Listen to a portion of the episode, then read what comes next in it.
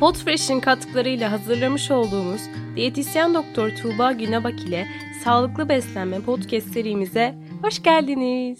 Diğer bölümlerimize ulaşmak için bizi takip etmeyi unutmayın. Sosyal medya hesaplarımızı da açıklamada bulabilirsiniz. Keyifli dinlemeler.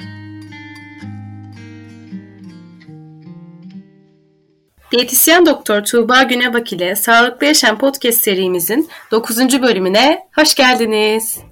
Hoş geldiniz Tuğba Hanım. Nasılsınız? Hoş buldum İremcim. Teşekkür ederim. Sen nasılsın? İyiyim. Çok teşekkür ederim. Ee, son zamanlarda etrafımda ben de sık sık gebelik şekeri diye bir sağlık problemi duyuyorum.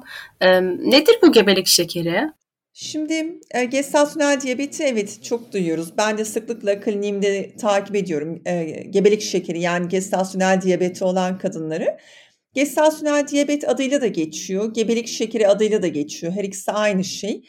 Aslında kabaca tarif etmek gerekirse gebelik sürecinde gözlemlenen bir tür şeker hastalığı diyebiliriz.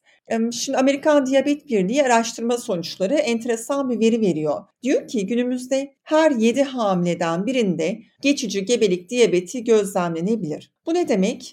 Bu kadınlar gebelik sürecinde gebeliğin oluşturduğu hormonal sebeplerle bir nevi sanal bir şeker hastası durumuna girebiliyorlar. Gebelik sonlandığında çok büyük çoğunluğu eski sağlığına kavuşuyor. Ama araştırmalar diyor ki bu kadınların bir kısmı gebelikten sonra da şeker hastalığı tanısını devam ettirebilirler. O zaman ne yapmak gerekiyor? Gebelik bittikten 3 ay sonra tekrar kan tahlili yaptırmak ve iyileşmişler mi, iyileşmemişler mi diye bir e, bakmak gerekiyor. Yani bir endokrinolog ziyaret etmeleri gerekiyor. Şimdi şöyle anlatayım. E, gebelikte ortaya çıkıyor gebelik diyabeti veya e, gebelik şekeri yani gestasyonel diyabet.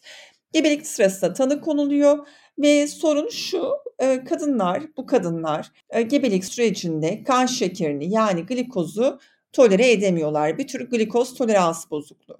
Basitçe izah etmek gerekirse İremcim, şimdi gebelik sırasında anne rahminde bebeğin rahme tutunma kabiliyetini artırabilmek için annenin vücudunda bazı hormonların seviyesi artıyor. Bu hormon seviyesi arttığında annede bazı yan etkiler gözlenebiliyor ve kan şekerinin hücre içine girmesini sağlayan insülin adındaki bir hormon baskılanabiliyor. Bu hormon baskılandığı zaman kan şekeri hücre içine giremiyor, kadının kan şekeri seviyesi yükseliyor ve sanal bir şeker hastalığı yani sanal bir diyabet gelişebiliyor. Bunun e, tanısını koymak oldukça önemli. Bir dönem halk arasında oldukça e, haberlere de konu olmuştu. Bir söylenti geziyordu. Gebelik şekeri tanısı koymak için yapılan e, şeker yüklemesi testi yapılsın mı yapılmasın mı diye hatırlarsın belki. E, 24. gebelik haftası döneminde yani yani takribi 24. gebelik haftası sürecinde e, bir şeker yüklemesi testi yapılıyor bu kadınlara. 24 ile 28. haftalar arasında ve bu şeker yükleme testi sonucunda eğer anne adayı kan şekerini regüle edemiyorsa yani yüklenen bu şekeri vücudu tolere edemiyorsa ve kan şekeri yüksek çıkıyorsa e, özellikle tokluk şekeri yüksek çıkıyorsa açlık şekeri de buna eşlik eden şekilde yüksek çıkıyorsa o zaman kadınlar gestasyonel diyabet yani gebelik şekeri tanısı alıyorlar. Ve e, burada korkmamalarını tavsiye ediyorum. Neden? Şundan korkmamalarını tavsiye ediyorum. Gebelik şekeri tayini yapabilmek amacıyla şeker yükleme testini mutlaka ve mutlaka yaptırmaları gerekir. Zaten yüklenen şeker miktarı bir porsiyon baklavadan aldıkları kadar şeker halk arasında görüyoruz. Yani bir gebeyi bıraksak belki kaç porsiyon baklava yiyecek iştahları açık olduğu için. Dolayısıyla bu şeker yükleme testine al, alacakları şeker miktarı korkulacak bir miktar değil. Ama şeker yükleme testi yaptırmamış ve e, gebelik şekeri olduğu halde tanı almamış, tanı alamadığı için gereken tedaviyi alamayan kadınların işte bu noktada evet korkmaları gerekir. Çünkü gebelik şekeri bir sürü yan etkisi olan hem anneye hem bebeğe yan etkisi olan bir sağlık problemi problemi olduğu için şeker yüklemesi testi mutlaka ve mutlaka yapılması gerekir İremciğim. Peki kimler risk altında?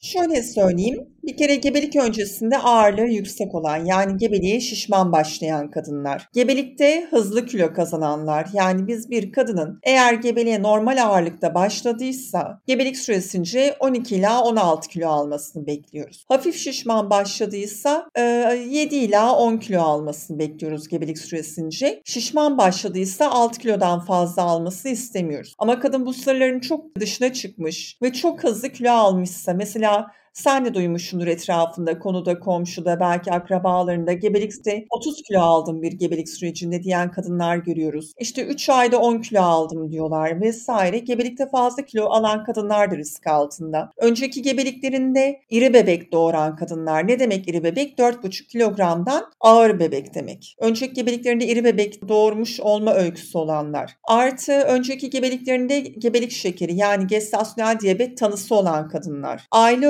öyküsünde şeker hastalığı olanlar gestasyonel diyabet yani gebelik şekeri riski taşırlar. Peki e, gebeler nasıl anlayacaklar bu diyabeti sahip olduklarını? Bunun belirtileri nedir? Şöyle belirtileri bir kere normalden fazla ağız kuruluğu varsa, idrara normalden daha sık çıkıyorsa, normal dışı bir şekilde sık sık susuyorsa, sürekli halsizlikten şikayet ediyorsa, kadın hastalıkları ve doğum uzmanıyla mutlaka iletişime geçmesi gerekir. Doktoru tanısını koyduktan sonra da bir diyetisyenin kapısını çalması gerekir. Çünkü bu sürecin tek bir tedavisi var, beslenme tedavisi. Peki e, bu anne adayları nasıl beslenmeli? Şöyle İremciğim, şimdi anne eğer gebelik şekeri yani gestasyonel diyabet tanısı aldıysa bir diyetisyenin temel amacı annenin kan bulgularını normalize etmektir. Yani kan şekeri seviyesini hedef aralıkta tutmaktır. Açlık şekeri 100'ün altında, tokluk şekeri 140'ın altında olması gerekir. Şimdi nasıl beslenecek dersek bir kere kadının karbonhidratlı besinlerden korkmasına gerek yok. Ama doğru karbonhidrat kaynağı olan besinleri seçmeli. Özellikle kompleks karbonhidrat içerenleri tercih etmeli. Yani beyaz ekmek yerine tam tahıllı ekmek tüketmek gibi. Pirinç pilavı yemek yerine bulgur pilavı, kara buğday pilavı yemek gibi. Makarnada esmer makarna tercih etmek gibi kompleks karbonhidrat kaynağı besinleri tercih etmeli. Buna ek olarak e, meyvelerden, sebzelerden glisemik indeksi düşük olanları tercih etmeli. Yani glisemik indeksi düşük derken işte meyvelerden elma gibi vesaire. Artı e, buna ek olarak beslenme döngüsü içinde e, tuz alımına dikkat etmesi gerekir. Tuzlu besinleri tüketmemeli. Tuz eklenmiş besinleri tüketmemeli. Ne gibi? İşte salam, sucuk gibi işlenmiş besinler, salamura edilmiş besinler, işte işte tuzlu zeytinler, işte tuzlu turşular vesaire. Eğer tuz kullanması gerekiyorsa e, günlük alacağı tuz miktarı 3 ila 4 gramın üstüne çıkmamalı. Bunu da iyotlu tuz olarak almalı. Hipertiroidisi olmadığı takdirde. Posadan zengin besleniyor olması çok önemli kadının. Çünkü posadan zengin beslendiği takdirde kan şekerini kontrol etmesi kolaylaşacaktır. Yani e, örneğin meyve ve sebzeleri iyice yıkadıktan sonra kabuğuyla beraber tüketmek gibi. E, tahılların e, esmer olanlarını tercih et etmek, kuru baklagilleri tercih etmek gibi posadan zengin beslenmesi gerekir. Artı anne posadan zengin beslendi kan kolesterol seviyesini de dengelemesi kolaylaşacaktır. Günlük enerji gereksinmesini karşılayacak kadar enerjiye tabii ki ulaşmalı. Bunu diyetisyeni planlayacaktır zaten. Ama e, hem gebenin hem de etrafındakilerin gebenin iki canlı olduğunu düşünüp sürekli besin tüketme çabası içinde olmamaları gerek. Çünkü gebe aslında iki canlı değil. E, annenin rahmindeki bebek zaten annenin depolarından besleniyor. Dolayısıyla Dolayısıyla annenin günlük enerji gereksinmesine ek 300 e, ila 400 kalorilik bir ek alıyor olması zaten yeterli olacaktır. Dolayısıyla annenin enerji gereksinmesi çok çok yükselmez. O yüzden aşırı bir besin tüketimine gerek yok. Annenin şişmanlıyor olması gebelik şekerine yakalanma riskini arttıracaktır. Eğer doktor izin veriyorsa yani bu bir riskli gebe değilse fiziksel aktiviteyi hayatına dahil edebilir anne. Günde 30 dakikalık fiziksel aktivite seansları uygulayabilir. Doktorun izin verdiği ölçüde. Günlük toplam protein protein alımına ulaşıyor olması önemli. Proteinden zengin beslenmesi tabii ki kıymetli. Ama proteinden zengin besleneceğim derken de etin yağlı kısmını, kümes hayvanlarının derisini vesaire tüketmemesi. Pişirme yöntemi olarak kızartma yöntemini kullanmaması önemli. Özellikle pişirme yöntemi olarak et ve ürünlerinde haşlama, buğulama, fırınlama yöntemlerini tercih edebilir. Meyve tüketimini kadın bırakmayacak. Yani meyveler antioksidantlardan zengin olduğu için çok çok kıymetli. Annenin gebelik şekerinin çıkmış çıkmış olması demek meyve yememesi gerektiği anlamına gelmez. Tabii ki meyve tüketecek ama meyve tüketirken yanında mutlaka bir protein kaynağı besine yer verecek ki meyveden aldığı şekeri kontrollü kanına aktarıyor olsun. Kan şekeri kontrollü yükseliyor olsun. O yüzden meyve tükettiği ara öğünlerde mutlaka bir parça peynir veya bir çay bardağı kefir veya birkaç kaşık ev yapımı yoğurt ya da probiyotik yoğurt gibi bir süt ya da süt ürününe yer vermeli. Öğün düzenini mutlaka oturtmalı. Günde 6 öğün beslenebilir değişebilir. Yani 3 ana 3 ara öğünle gidebilir. Ama öğün sayısı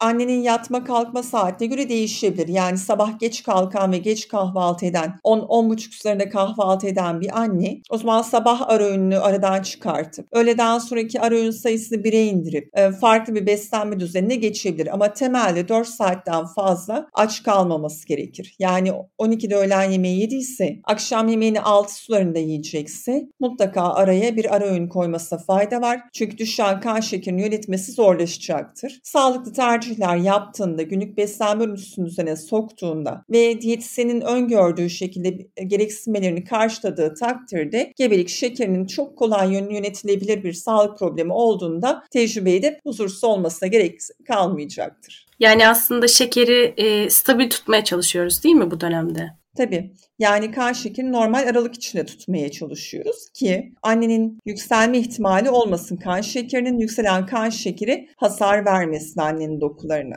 E peki glisemik indeksi düşük besinler nelerdir Tuğba Hanım? Glisemik indeksi düşük besinler özellikle kan şekerini düşüren besinler diye tarif edebilirim. Şimdi neler bunlar? Mesela sebzelerden kereviz, enginar, lahana, ıspanak, kuşkonmaz, pancar, yeşil yaprakların hepsi, patlıcan, sarımsak, mantar bunlar hep glisemik indeksi düşük sebzelerden bazıları. Meyvelerden elma, yeşil elmanın glisemik indeksi kırmızı elmadan daha düşüktür bu arada. Armut, ayva, erik, özellikle kuru erik, kiraz, yine kiraz ve vişne glisemik indeksi düşüklerden, vişnenin glisemik indeksi kirazdan daha düşük. Yaban mersini, çilek, kızılcık, limon, zaten tadından tuzundan belli limonun şeker içeriğinin düşük olduğu da, ahududu, nar, Bunlar glisemik indeks düşük meyvelerden. E, tahıllardan da rengi esmer olanlar glisemik indeksi özellikle düşük olanlardır. Yani bulgurun glisemik indeksi pirinçten düşüktür, kara buğdayın düşüktür, esmer makarnanın daha düşüktür gibi paylaşabilirim. Buna ek olarak makarna pişirirken de makarnayı suyunu çektirerek pişirir ve ılık olarak tüketirlerse glisemik indeksi daha düşük olacaktır. O yüzden makarna pişirirken de buna dikkat etmelerini tavsiye ederim. Tuğba Hanım güzel tavsiyeler için çok teşekkür ediyoruz. Umarım bizi dinleyen e, gebelerde faydalanırlar bu tavsiyelerden. Bir bölümümüzün daha sonuna geliyoruz. Çok teşekkür ederiz. Ağzınıza sağlık. Rica ederim. Benim için de çok keyifliydi. Sizin ağzınıza sağlık. İnşallah faydalı olmuşuzdur. Evet. 10. bölümde görüşmek üzere. Hoşçakalın. Görüşmek üzere.